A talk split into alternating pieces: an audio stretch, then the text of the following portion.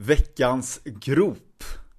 Just det. Eh, vi pratade om den. Ja, det var väl någon tidning va?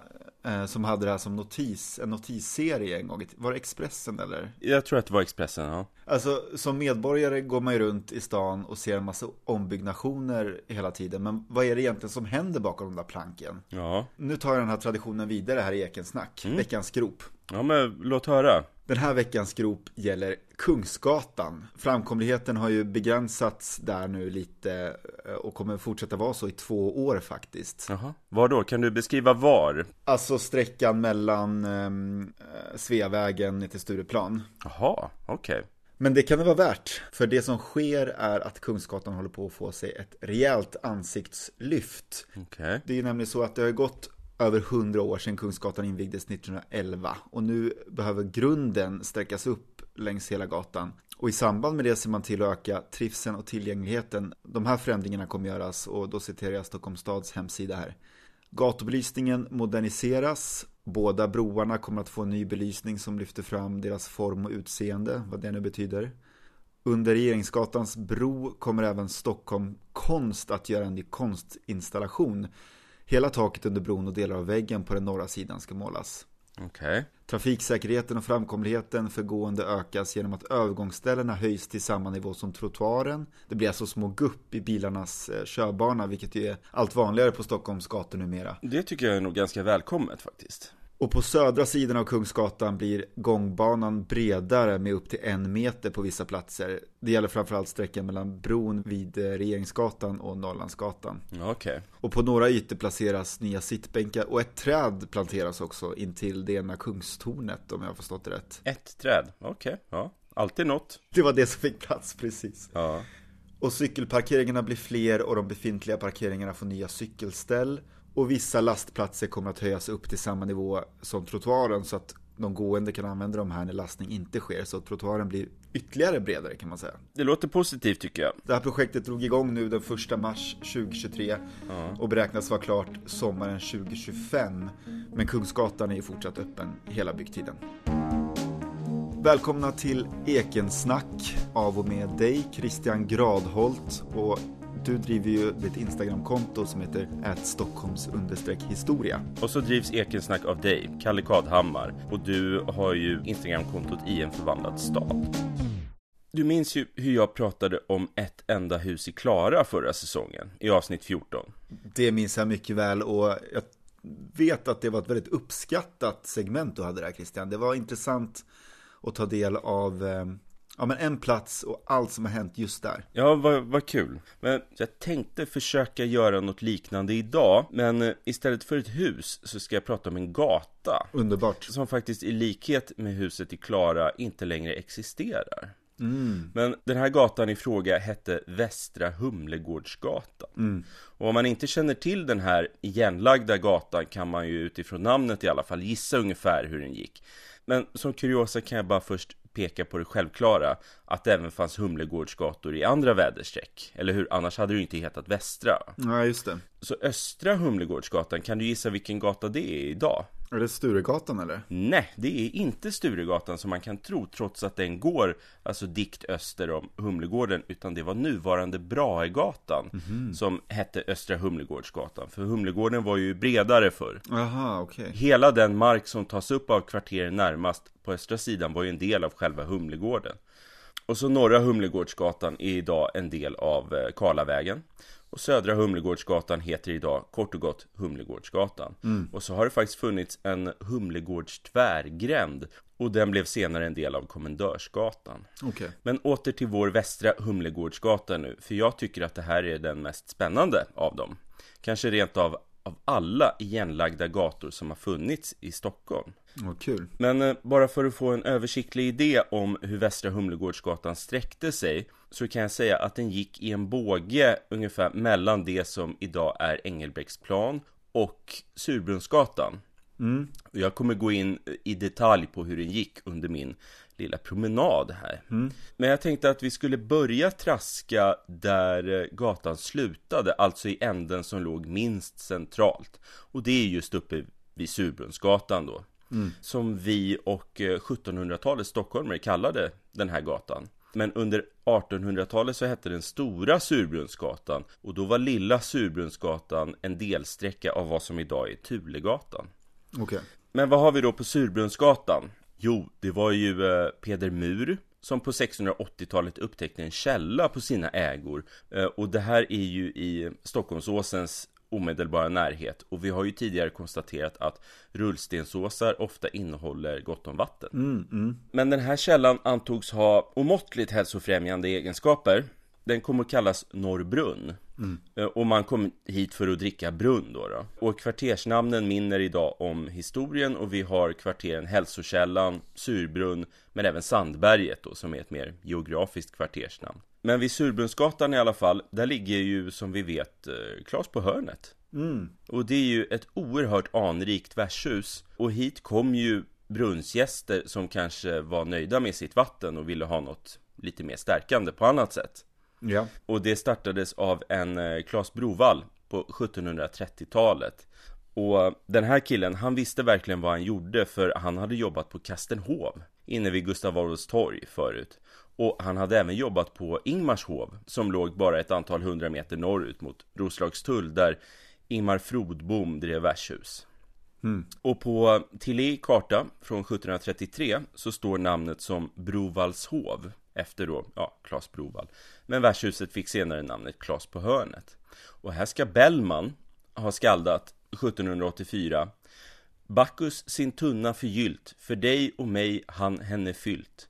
Bjuder dig klunka ur krönta skålar, glatt för dig målar rosiga bålar. Där dig ditt fluidum rex, din syn i glättiga strålar, ren blundar i glaset och släcks.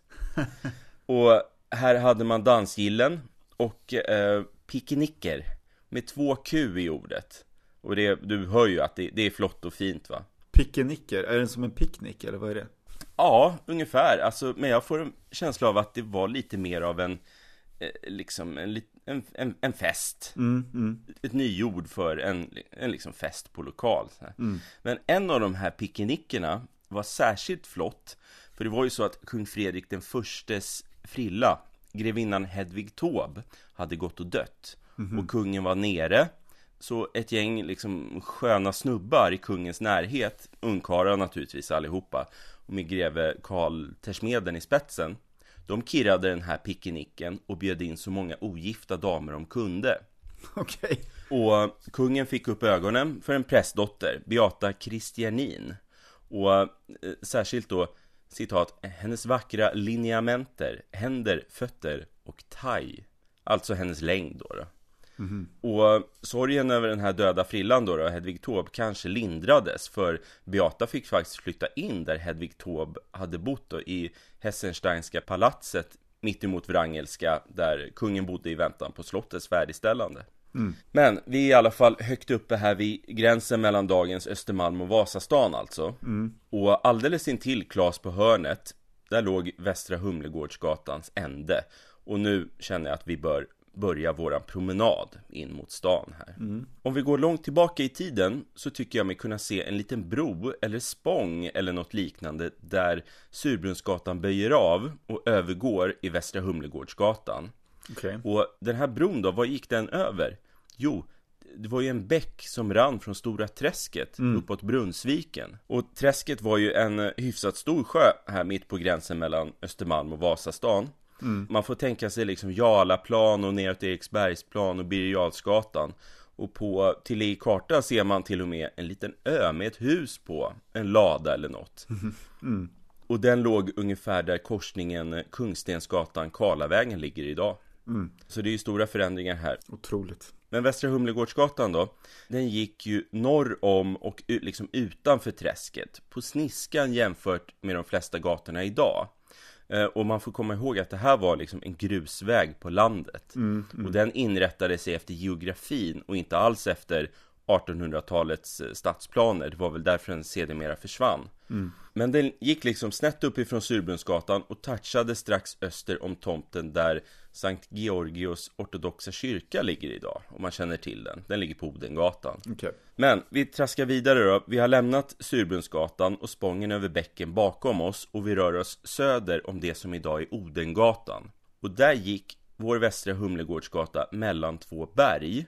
Det ena heter på vissa gamla kartor Kulberget. Mm. Och det är där som man idag hittar Lärkstan. Mm, just det. Och här har väl legenden berättat att Lärkstan heter så eftersom så kallade lärkor eller bergslärkor höll till här på berget och lockade på Roslagsbönderna som passerade här. Och lärka ska såklart ha varit en eufemism för prostituerad.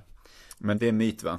Ja, absolut. Eh, jag tror att vi faktiskt kan avliva den här om vi inte redan har gjort det. Gjorde du det? Nej, men jag berörde att Lärkstaden är väl uppkallat efter kvartersnamnen va, mer eller mindre?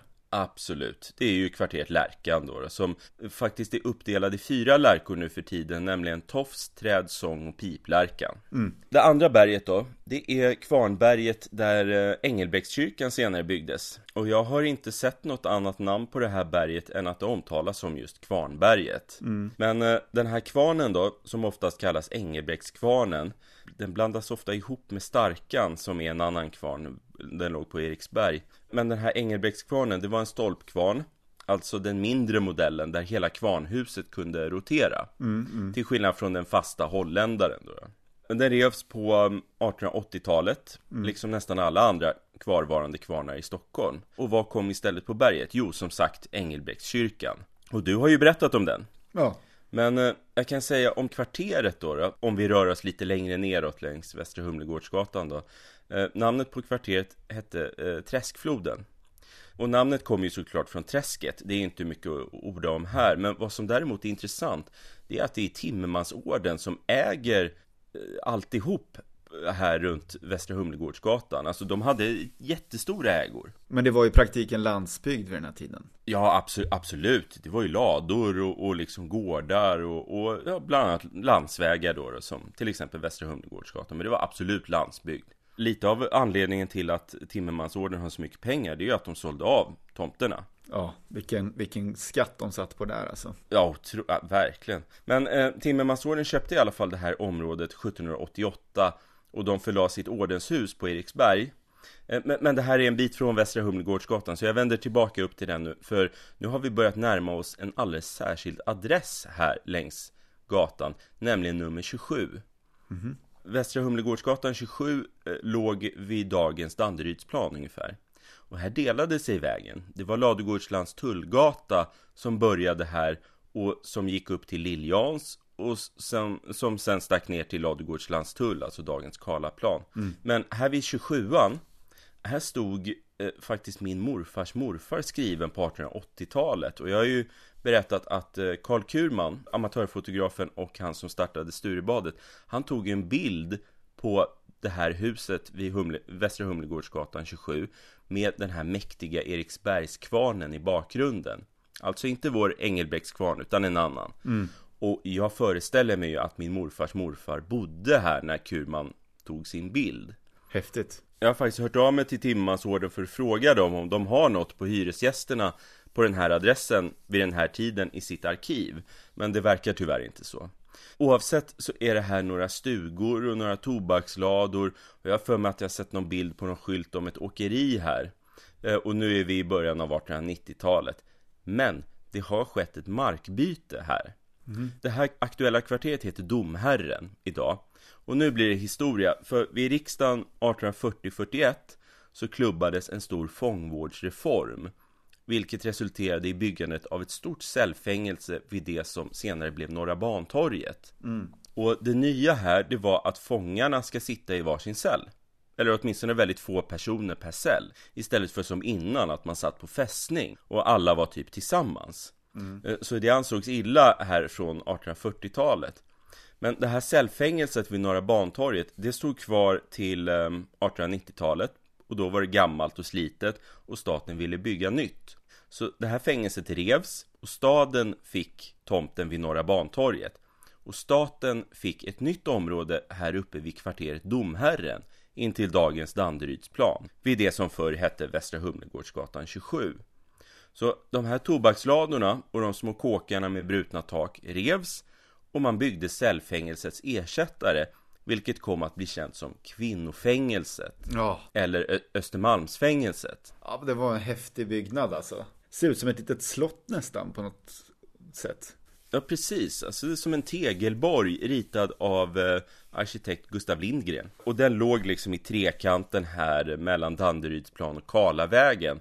Och eh, många tycker att det var en riktigt vacker byggnad. Jag kanske inte älskar 1890-talets medeltidspastisch Men det var en häftig byggnad snarare än vacker tycker jag mm, mm. Men det var ju som brukligt var vid den här tiden Det var rött tegel från Hallsta bruk och torn och tinna Så det var ju verkligen ett barn av sin tid den här byggnaden Men eh, den här byggnaden är ju känd som kvinnofängelset Men faktum är att det bara var fängelse fram till 1925 Alltså i knappt 30 år någonting Mm. Så resten av sin existens fram tills att det revs 1968 eh, så fanns här eh, Riksarkivet. Just så byggnaden var, var, arkiv många år längre än vad det var fängelse. Mm. Och apropå arkitektur så ligger ju eh, på platsen här eh, den före detta KTHs arkitekturskola. Och den säger ju folk är vedervärdig i sin betongbrutalism. Men den var ju väl tänkt att vara helt klädd i grönska från början va? växtlighet. Ja, de har ju lyckats på vissa platser där. Jag tycker att det är ganska... Jag tycker inte att den är så hemsk som alla säger va. Däremot tycker jag kanske inte att gatuplanet fungerar. Eh, det är liksom slutet och jag föredrar ju lokaler mot gatan och det har det ju inte då. då. Nej, nej. Men eh, nu vet ju folk som är bekanta med den här trakten att Västra Humlegårdsgatan, som vi ju traskar längs nu, mellan Klas på hörnet och kvinnofängelset till stora delar har ersatts av Östermalmsgatan. Mm. Men härifrån då, och neråt stan, så gjorde Västra Humlegårdsgatan en lov neråt just Humlegården då. då. Eh, och det var nog här som Västra Humlegårdsgatan stängdes först.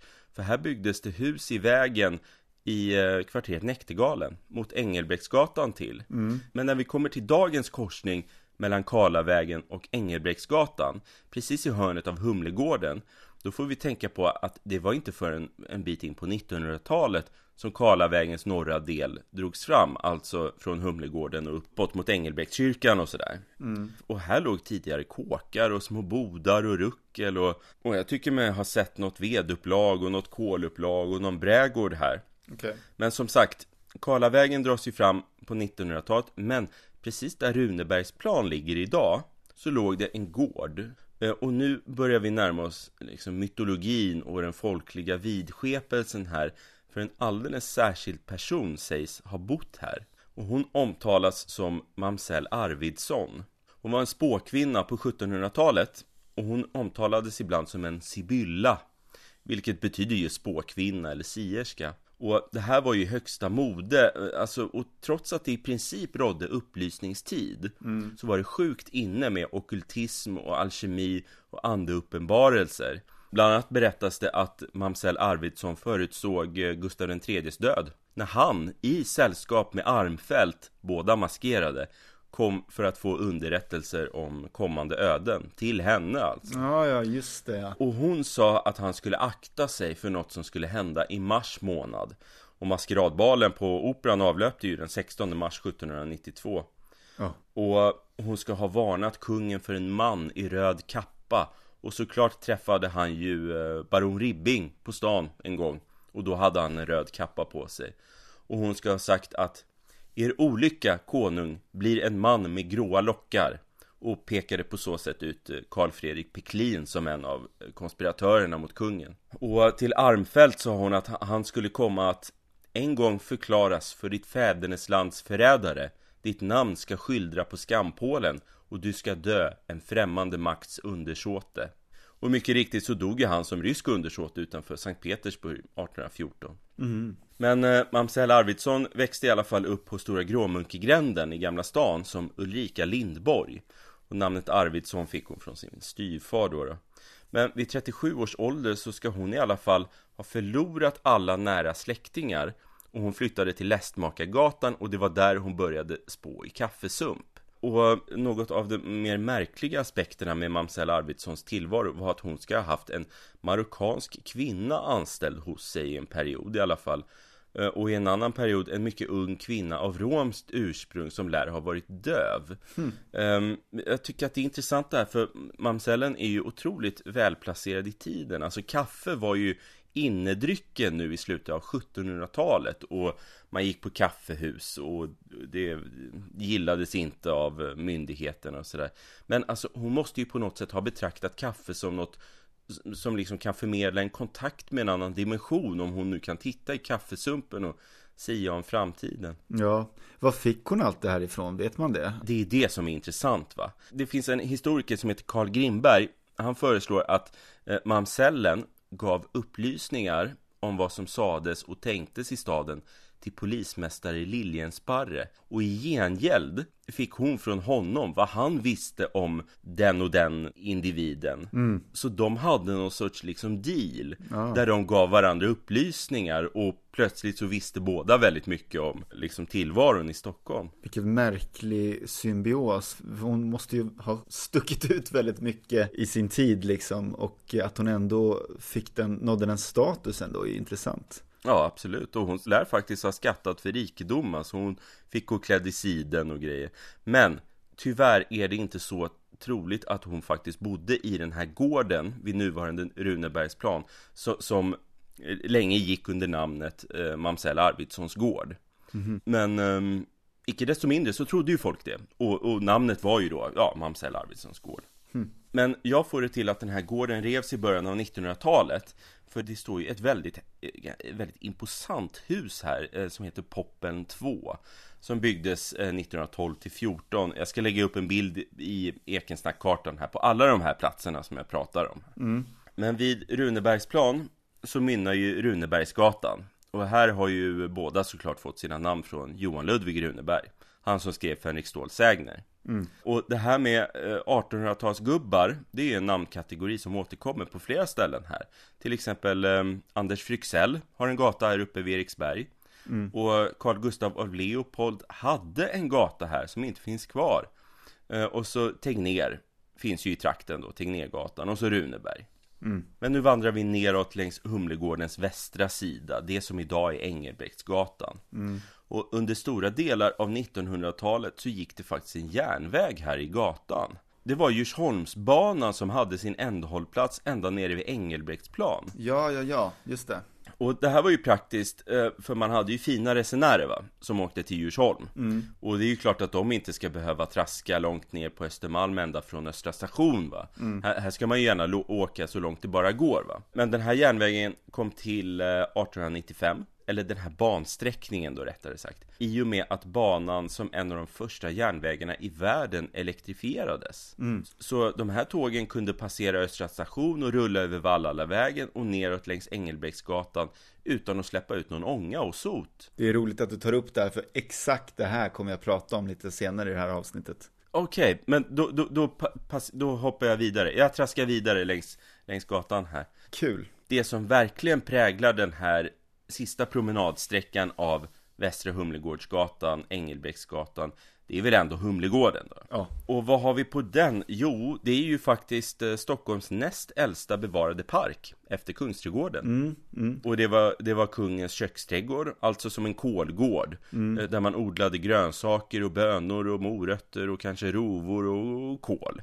mm. Men namnet antyder ju att det huvudsakligen har handlat om humle här mm. Men humle odlades faktiskt inte särskilt länge. Det verkar ha varit bara något decennium på 1600-talet och inte så mycket mer. Faktum är att Humlegården blev en park redan då, alltså mitten av 1600-talet under drottning Kristina. Mm. Och ända fram till så sent som 1867 så fanns det faktiskt en mur här längs Humlegårdens södra sida. Okej, okay. Okay. Du minns ju hur jag pratade om en daguerreotyp från 1850-talet som var tagen uppifrån Östermalmstorgstrakten ner mot Humlegården. Mm. Och jag bara tänker mig, alltså om fotografen bara hade begett sig neråt Humlegårdsgatan ja. så hade vi kanske kunnat ha ett fotografi av den där muren. Det hade varit otroligt att ha det. Ja. Men eh, för mig personligen så är ju Humlegården synonymt med Kungliga biblioteket. Mm. Och om våra lyssnare har uppskattat kanske det ena eller andra av mina segment som jag har hållit i så kan jag säga att de hade varit avsevärt fattigare om inte KB fanns. Ja. Och sen är ju KB dessutom känt för att ha haft en väldigt bildskön överbibliotekarie på 1800-talet. Han heter Gustav Edvard Klemming och han med det långa vita hårsvallet då, då och det kluvna skägget. Och det var han som personligen fraktade den enorma djävulsbibeln på en släde från slottet till Humlegården då i samband med att Kungliga biblioteket fick eh, sina nya lokaler på 1870-talet. Men om vi nu återgår till själva Västra Humlegårdsgatan då Så får vi nog säga att vi är längst nere vid Engelbrektsplan nu mm. Och så tar ju gatan slut i Birger idag Men så har det ju inte alltid varit va Birger är en ganska sentida gata För här fanns förr istället en T-korsning med eh, Södra Humlegårdsgatan och ett hus det var liksom ingen öppen plats som Engelbrektsplan är idag. Nej. Men det här, det här huset då, då som upptog Engelbrektsplan, det är ett av Stockholms mer klassiska ruckel. Det kallades för Landbyska verken. Just det. Det var ett kilformat kvarter som var bryggeri, som drevs av eh, bryggmästaren Christian Landby i början av 1800-talet jag vet inte om byggnaderna tillkom då, de kanske är lite äldre, jag vet inte. Men säkert är i alla fall att de revs till förmån för just Birger och Engelbrektsplan på hösten 1893. Mm. Och i ett reportage i tidningen Vad nytt från Stockholm 1893 så skrevs för 90-talets eleganta Stockholmsvärld som är en ny stad flanerar fram med nya ögon och moderna krav efter breda luftiga boulevarder och genom blomsterprunkande ansade parker har länge de så kallade Landbyska verken som likt en vanprydande smutsfläck dröjt sig kvar i huvudstadens vackra fysionomi som en nagel i ögat. Mm. De var verkligen avskydda de här Eh, lambiska verken. Men eh, det finns faktiskt en kändis här i trakten. Alltså bryggmästare Lambys dotter, här och där kallad Lambyska verkens dotter faktiskt. Hon är nog eh, faktiskt lite mer känd än sin pappa kanske. Hon hette Pauline Åman, född Landby. Och hon var den första kvinnan att spela harpa offentligt. Och hon var den första kvinnan i hovkapellet. Mm -hmm. Och i tidningen Idun kunde man 1892 läsa att när hennes harpas sällsynt klara och väljudande toner trängde igenom de övriga instrumentens stämmor eller ensamt ledsagade något vokalt parti spelade hon sig allt mera och närmare in i sina åhörares ynnest och hjärtan genom den själfulla innerlighet som alltid kännetecknade hennes spel. Mm. Och hon föddes 1812, så hon var årsbarn med Josebet Sjöberg till exempel. Och i likhet med henne så var Pauline eh, musiklärare. Men hon levde mycket längre än Josebet Sjöberg ända till 1904 eh, och hon höll sig kvar på Östermalm. I ålderdomen så bodde hon på Artillerigatan 26 och de sista åren hos sin dotter på Linnégatan 80. Mm. Men eh, om själva Lambyska verken här, de var ju sunkiga som jag sa. Eh, det började ju gå rykten mot slutet av 1800-talet. För som synes så betraktades ju kvarteret som en smutsfläck. Alltså grejen är ju att det troligen ligger mycket i det va För staden, de hade köpt kvarteret ganska tidigt för att vid något tillfälle kunna riva det för Birger framdragning och i och med att staden köpte det, då upphörde ju alla reparationer av husen och det förslummades fullständigt. Och det här är ju en praktik som vi känner igen från bland annat Klara-kvarteren. Ja. Som vi pratade om i avsnitt 5 i första säsongen. Ja, och praktik nära att det blev likadant med Aspudden ja. Ja, just det. Ja, exakt så. Alltså, om man vet att något kanske ska rivas, då lägger man ju inte ut några pengar på renovering. Nej. Så det blev ett snuskhål här, men stadsingenjör Ygberg lär ha fördröjt rivandet i det längsta. Jag vet inte riktigt varför, men det uppstod ju stora diskussioner. Folk ville riva skiten och då blev boende synnerligen misstänksamma mot folk som försökte tillträda kvarteret. Och då blev det ju ännu svårare för journalister att rapportera om misären här. Mm. Och här är det ju troligt att de boende hade löjligt låga hyror. Och det ville de väl fortsätta ha, på bekostnad av husens standard. Och de som stod på lägenhetskontrakt, de var dessutom inte hindrade från att ta in så många inneboende de bara kunde. Så inga regleringar fanns i det här kvarteret, så det kunde ju bo alltså 14 personer i två rum, pratades det om. Mm. Eh, och man sa att Lambiska verken var ett råttnäste. Och, eh, men ja, det tjänade de ju boende på, i alla fall de som stod på kontrakten va. Men här befinner vi oss alltså då vid början av den före detta Västra Humlegårdsgatan då som sedermera ersattes av eh, Engelbrektsgatan och Östermalmsgatan Så ta och fundera på den lite nästa gång ni passerar Engelbrektsplan. Verkligen, det ska jag definitivt göra. Stort tack för den här resan i tid och rum, Christian. Tack för mig.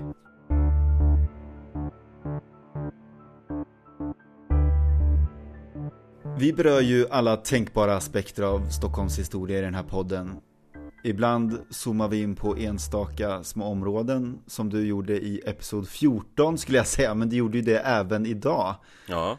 Och ibland pratar vi om infrastruktur, som när jag i samma avsnitt 14 pratade om tunnelbanans uppkomst. Och idag ska jag röra mig vidare lite i samma ämne. Ja men vad kul. För eh, om man vill uppleva en riktigt gammal tunnelbanevagn och hur den såg ut, vad ska man vända sig då? Förutom typ Spårvägsmuseet. Man kan ju ta Saltsjöbanan till exempel. Ja just det. Du gillar väl tåg, Christian, har jag en känsla av. Absolut, jag älskar tåg. Spårtrafik, jag är en stor anhängare av spårtrafik. Och du har ju åkt Saltsjöbanan givetvis. Vill du beskriva vagnarna lite, hur de ser ut? Interiört liksom. De är, ja interiört, alltså jag minns inte, är de fortfarande orangea eller? Ja, De är det Precis. va? Ja. Eh, Och det är ju som att liksom kliva rakt in i 90-talet för ehm, så såg ju tunnelbanan ut för, då på den tiden när jag var barn. Alltså. Och du också. Ja, och så bak på vagnarna finns ju det här räcket där, där man kan stå och tågsurfa. Absolut inget jag rekommenderar, men det är ju något man inte kan göra på moderna tunnelbanevagnar. Alltså ställa sig bak till, vilket ju ofta var vanligt på typ 80 och 90-talet. Ja exakt. Precis som med isflaksjumpandet som jag pratade om i början av den här säsongen så är det ju intressant med de här gamla bussträcken som liksom gått förlorade. De säger också någonting om sin tid. Ja verkligen. Det är ja, det är eh, lite, lite ledsamt. Jag kommer hur som helst idag ta ett helhetsgrepp om vår kollektivtrafiks ungdom kan man säga. Ja men det tycker jag ska bli jättekul.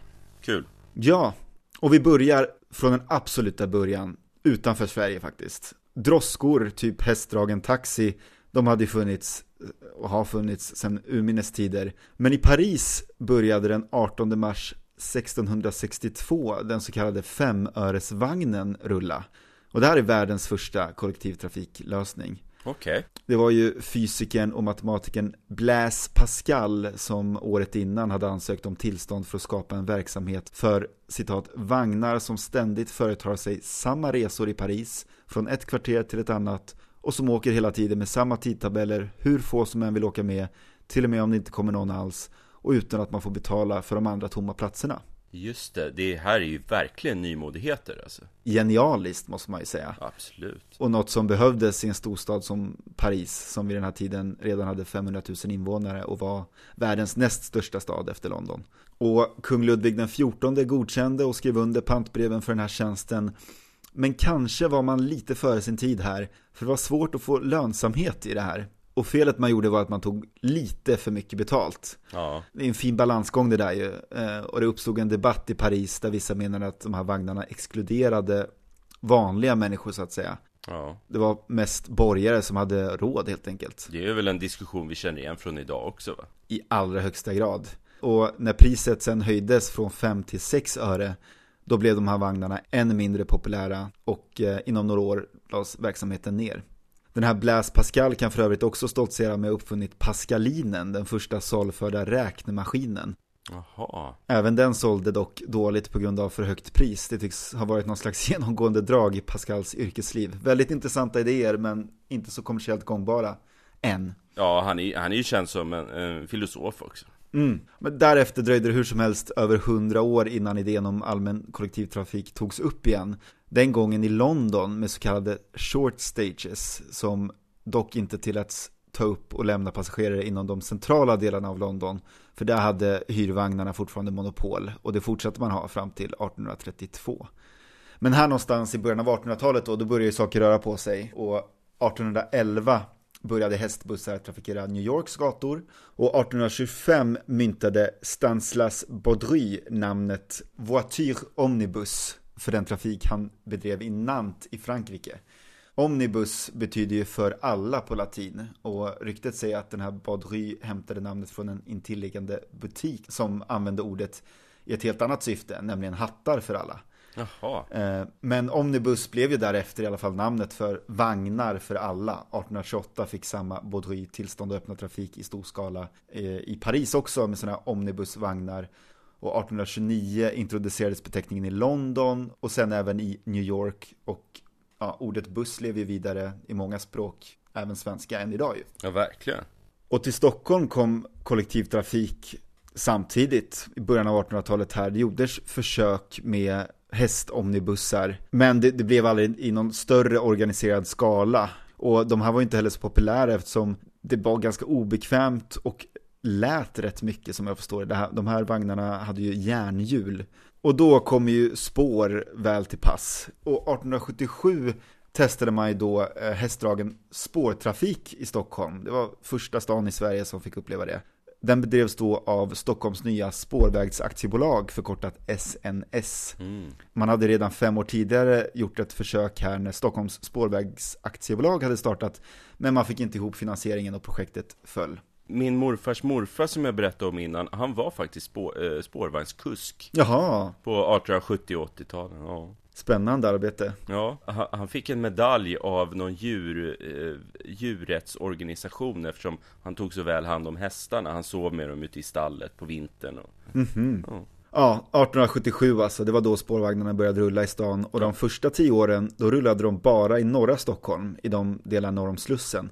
Anledningarna var främst två. Dels är ju Södermalm väldigt backigt och var ju ännu mer så 1877. ja, verkligen. Och dels var Södermalms befolkning helt enkelt så fattig att man inte såg någon affär i det här. Och det säger ju en hel del om hur segregerat Stockholm var på den här tiden. Ja, Apropå de där kravallerna i Kungsan 1868 som jag pratade om här om veckan i avsnitt 26. Ja just det. Men 1888, då startade hur som helst Stockholms södra spårvägsaktiebolag, förkortat SSB, Mm. trafik på Söder. Det var alltså tio år efter att Östermalms och Norrmalmsbor hade fått testa på den här nymodigheten. Ja, Och det här var alltså två separata system och företag som i folkmun kallades för Norra bolaget och Södra bolaget. just det. Så man kunde inte kliva på någonstans på Söder och åka till eh, Norrmalm, nej. Nej, och det ju, har ju med Slussen i länet att göra. Som vanligt. Det har ju påverkat även järnvägarna genom Stockholm och även tunnelbanan senare.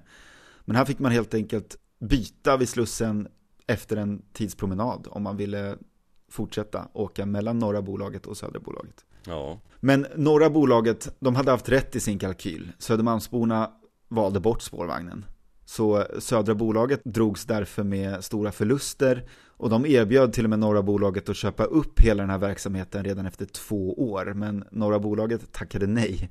ja. Men året därpå, 1891, överläts spårvagnstrafiken på Södermalm istället till ytterligare ett nytt spårvagnsföretag som hette Södra Spårvagnarnas Trafikaktiebolag, förkortat SST. Så det var många förkortningar att hålla koll på här inom kollektivtrafiken i Stockholm vid förra sekelskiftet. Tacka vet jag SL alltså. ja verkligen. Det känns opraktiskt alltså. Men eh, det ändrades det sen, eller hur gick det med det där? Ja, men det skulle dröja. Det skulle dröja hela 50 år från att spårvagnarna började rulla i Stockholm tills det blev ett system. Otroligt. Men det här nya södra bolaget då kan man väl kalla det för, de lyckades faktiskt få ekonomin på fötter genom ett besparingsprogram och förändringar i biljettpriserna. De hittade den här balansen helt enkelt och de skötte sedan driften här på Södermalm. Först 1908 gick Stockholms stad in eh, som delägare i den här satsningen och tio år senare bildades då AB Stockholms spårvägar med den mindre smickrande förkortningen SS Ja, just det. som ju då köpte upp både norra och södra bolagen och så fick Stockholm slutligen då sitt sammanhängande spårvagnssystem. Först 1918, alltså som sagt 50 år efter att de första spårvagnarna hade börjat rulla. Men systemet blev inte sammanbundet förrän 1922 då förbindelsen över broarna vid Nils Erikssons sluss stod klar. Och den 1 april samma år genomfördes en stor eh, linjenätsreform. Alltså man gjorde om linjerna helt enkelt, vilket skapade ett sammanhängande spårvägsnät Ja, med nya nummer på spårvagnarna och sådär. Men vad hände då med de här hästarna som bland annat din morfars morfar tog hand om? De fanns ju knappast kvar här 1922.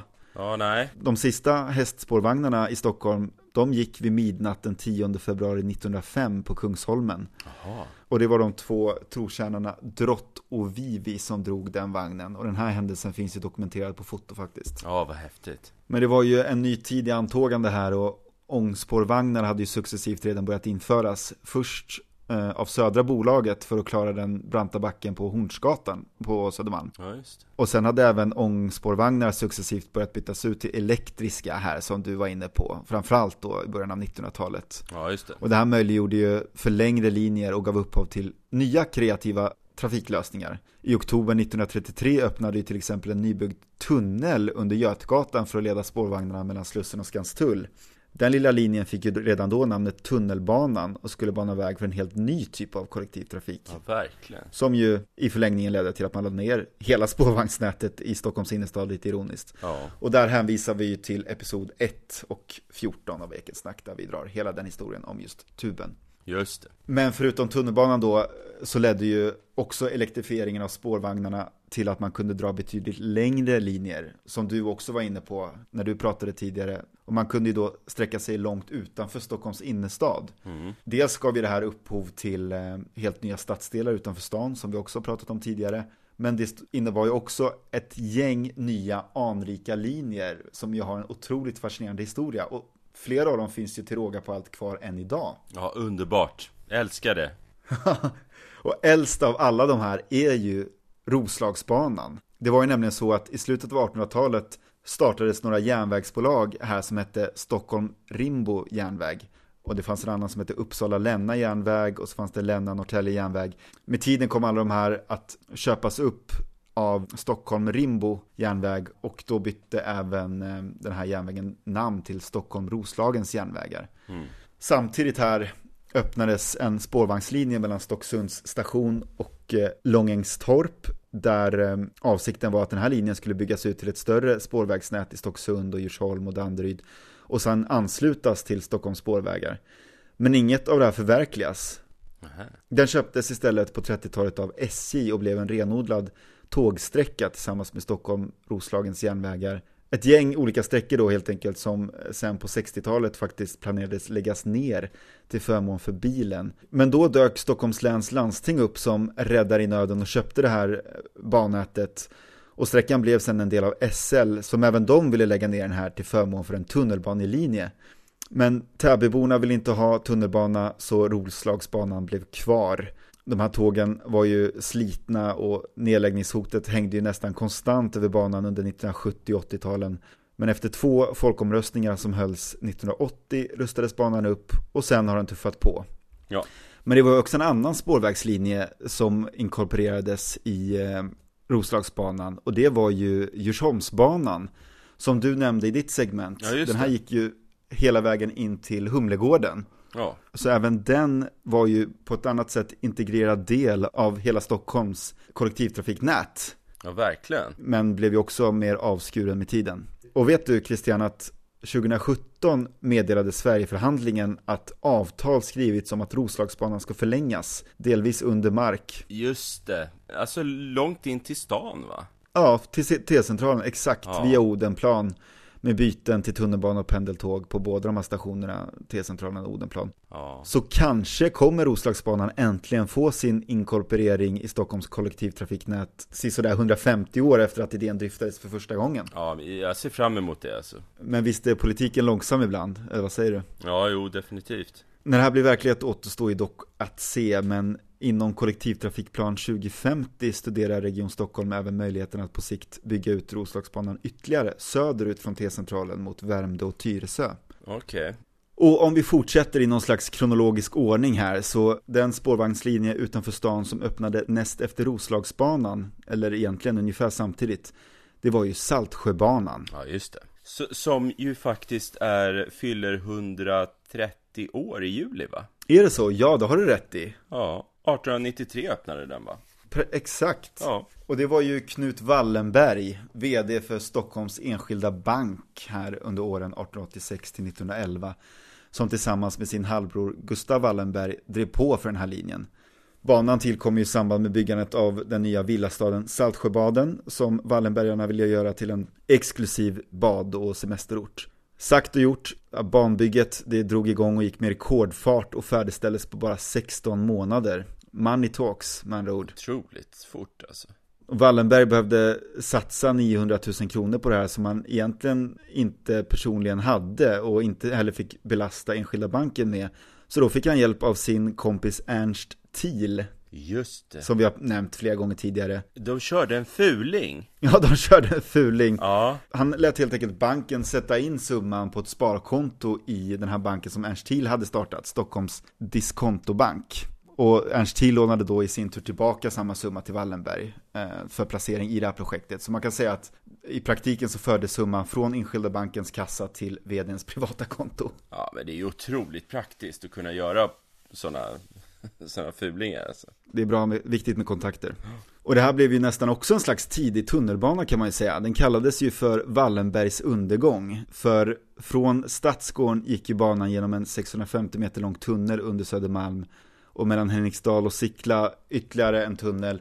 Det här blev faktiskt landets då längsta järnvägstunnel. Mitt i centrala Stockholm alltså. Otroligt. Eh, jag har för mig att sprängningen av den är med i eh, någon av mina drömmars stad-böckerna. Just det. Banan invigdes ju då, som du var inne på, 1 juli 1893. Men då låg ändstationen vid Tegelviken. Därifrån gick sen en båt till Kungsträdgården. Ja, just det, just det. Och i december då, senare samma år, då öppnade ju tunneln för trafik och då kunde man ta eh, tåget hela vägen från Saltsjöbaden till Stadsgården. Från början drevs ju banan av Järnvägs AB Stockholm Saltsjön med familjen Wallenberg i spetsen.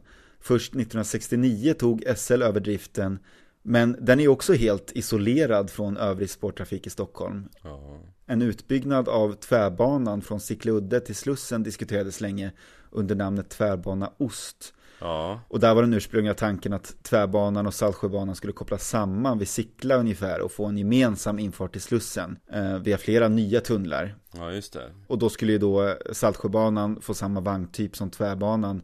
Men ett förslag om en ny 26 meter hög bro över Danvikskanalen avvisades av Stockholms stad av estetiska skäl. Och sen dess, 2011, är projektet strandat. Vi får väl se om det blir verklighet någon dag. Kan man inte dra en tunnel då? Men eh, det är väl, det faller väl på ekonomin säkert va? Men eh, någon, någon, någonting borde man ju kunna komma på där. Verkligen. Näst på tur, Lidingöbanan. Ja, Järnvägstrafiken på Lidingö den började 1907 på den del som skulle komma att bli norra Lidingöbanan mellan Islinge och Hässleholm.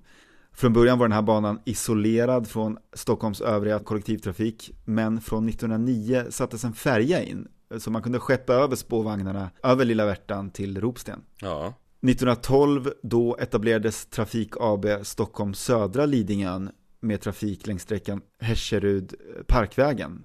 Så även på Lidingö fanns alltså en nordlig och en sydlig bana isolerade från varandra. jaha, ja just det. Ja, men det ser man faktiskt när man kommer på bron där att eh, här har det nog gått ett spår norrut. Just det, exakt. Det var ju då 1925, då ersattes den tidigare flottbron över till Lilla Värtan med en ny stålbro. Den som sen fick namnet Gamla Lidingöbron. Vilket innebar att både norra och södra Lidingöbanan kunde ju då kopplas samman, som du är inne på, med Stockholms spårvägsnät. Och där möttes då de här banorna, i Ropsten helt enkelt. Ja, okej. Ja, det var först efter den bron. Ja, okej. 1925. Ja. Men som vi var inne på tidigare, i samband med högertrafikomläggningen 1967, då la man ju ner spårvagnstrafiken i Stockholms innerstad. Och då upphörde ju den här möjligheten man tidigare hade haft att ta spårvagnen från Lidingö hela vägen in till Humlegården. Så Lidingöbanan fick en ny ändstation i Ropsten. Och sen dess är den alltså återigen en egen enhet ute på ön. Eh, och det har ju diskuterats om att förlänga tunnelbanans röda linje ut på Lidingö och kanske på så sätt inkorporera Lidingöbanan med Stockholms övriga kollektivtrafik på ett tydligare sätt. Alternativt att förlänga spårväg City då på Strandvägen via Frihamnen till Ropsten och sen vidare över till Lidingö. Men inget av det här har ju skett än och jag väntar tålmodigt precis som du antar jag på att flera av de här sammanlänkningarna som vi har vidrört ska ske. Ja, alltså jag, jag skulle älska det. Och så har vi Nockebybanan och Ulvsundabanan. Just det. Det här var ju spårvägslinje 2 som redan 1912 hade förlängts från Fridhemsplan till Tranebergsund Och när pontonbron mellan Kungsholmen och Brommalandet blev färdig 1914 då förlängdes linjen över till Alvik. Och där delades den upp då i två grenar längs Ulvsundavägen och en till Alléparken i Äppelviken. Och 1919 då blev de här olika linjerna 12 och 13, nummer 12 och nummer 13. Och båda utgick från Tegelbacken, men då kallade man dem snarare för Brommabanan. Ja. Och Nockebybanan finns ju kvar än idag, om än i lite annan sträckning. Nej men den, den är mysig. Ja, verkligen. Men även på senare dagar har vi sett nya spårvagnslinjer invigas i Stockholm. Den spårvagnstrafik som först återupplivades i innerstan, det var ju Djurgårdslinjen som invigdes 1991. Ja. Den var ju finansierad av eh, landstinget och kommunen via stiftelsen Stockholms museispårvägar. Ja. Samt entusiaster från Svenska spårvägssällskapet. Alltså jag tror att de som är spårvagnsentusiaster är otroligt mycket mer entusiaster än väldigt många andra typer av entusiaster. De är så otroligt inne på liksom sina spårvagnar. Ja, men det är ju, det är ju ett fint trafikslag. Ja, abs gud, absolut. Det är väl det som är grejen, det finns inget ont att säga om det. Det är liksom eh, Nej. demokratiskt, miljövänligt, estetiskt vackert, tillför verkligen något till en stad. Ja, verkligen. Men det här blev ju en museispårväg kan man ju säga, som tar turister ut till Gröna Lund och Skansen. Men den, den, blev ju liksom så oerhört populär så det var väl lite delvis därför som SL beslöt att 2007 förlänga de här spåren till Sergels torg, vilket sen blev fallet 2010. Ja, just det. Och då, då fick det ju namnet Spårväg City. Vissa som var emot det här kallar den för NK-expressen, va? Var det inte så? Ja, men exakt. Ja. Men tanken är väl att den helt enkelt ska förlängas åt alla möjliga håll, eventuellt i framtiden. Ja. Och söder om stan, Hästskon syftandes på linjens halvcirkelformade sträckning, senare omdöpt till Tvärbanan. Den öppnade ju 2000 mellan Liljeholmen och Gullmarsplan. ja, just det. Och den har också senare byggts ut i flera etapper och går idag mellan Solna station och Sickla samt en gren till Bromma flygplats. Ja, just det. Och även den kanske vi också då får se förlängd framöver. Men där har vi det. En massa lösa trådar, eller linjer, men successivt byggs de ihop. Ja. Det är ju så det har varit hela tiden. Om det så har gällt norra och södra bolagen i Stockholms innerstad eller Lidingöbanan och Spårväg City. Eller ta vilken del som helst av allt det här. Det är massa olika delar som hela tiden byggs ut, ändras, ibland byggs de ihop och så äntligen nuddar de varandra tills något händer, någon station dras in och allt börjar om igen. Och det är ju signifikativt. Stockholm är ju i allra högsta grad en levande stad i ständig förändring och det syns även i spårvagnsnätet. ja, verkligen. Tack för mig! Eh, Tack Kalle, vad kul det var och eh, gillar att du med liksom jämna mellanrum dyker in i eh, våran kollektivtrafik och spårtrafik. Alltså man kanske kan ta alla de här avsnitten, vad var det? Nummer 1, 14 och det här avsnittet och lyssna på i stöten. Exakt så, det blir som ett lapptäcke som vi ju lägger med den här podden. Ja, vi försöker komma närmare och närmare vad Stockholm är för något. Ja men exakt. Thank you.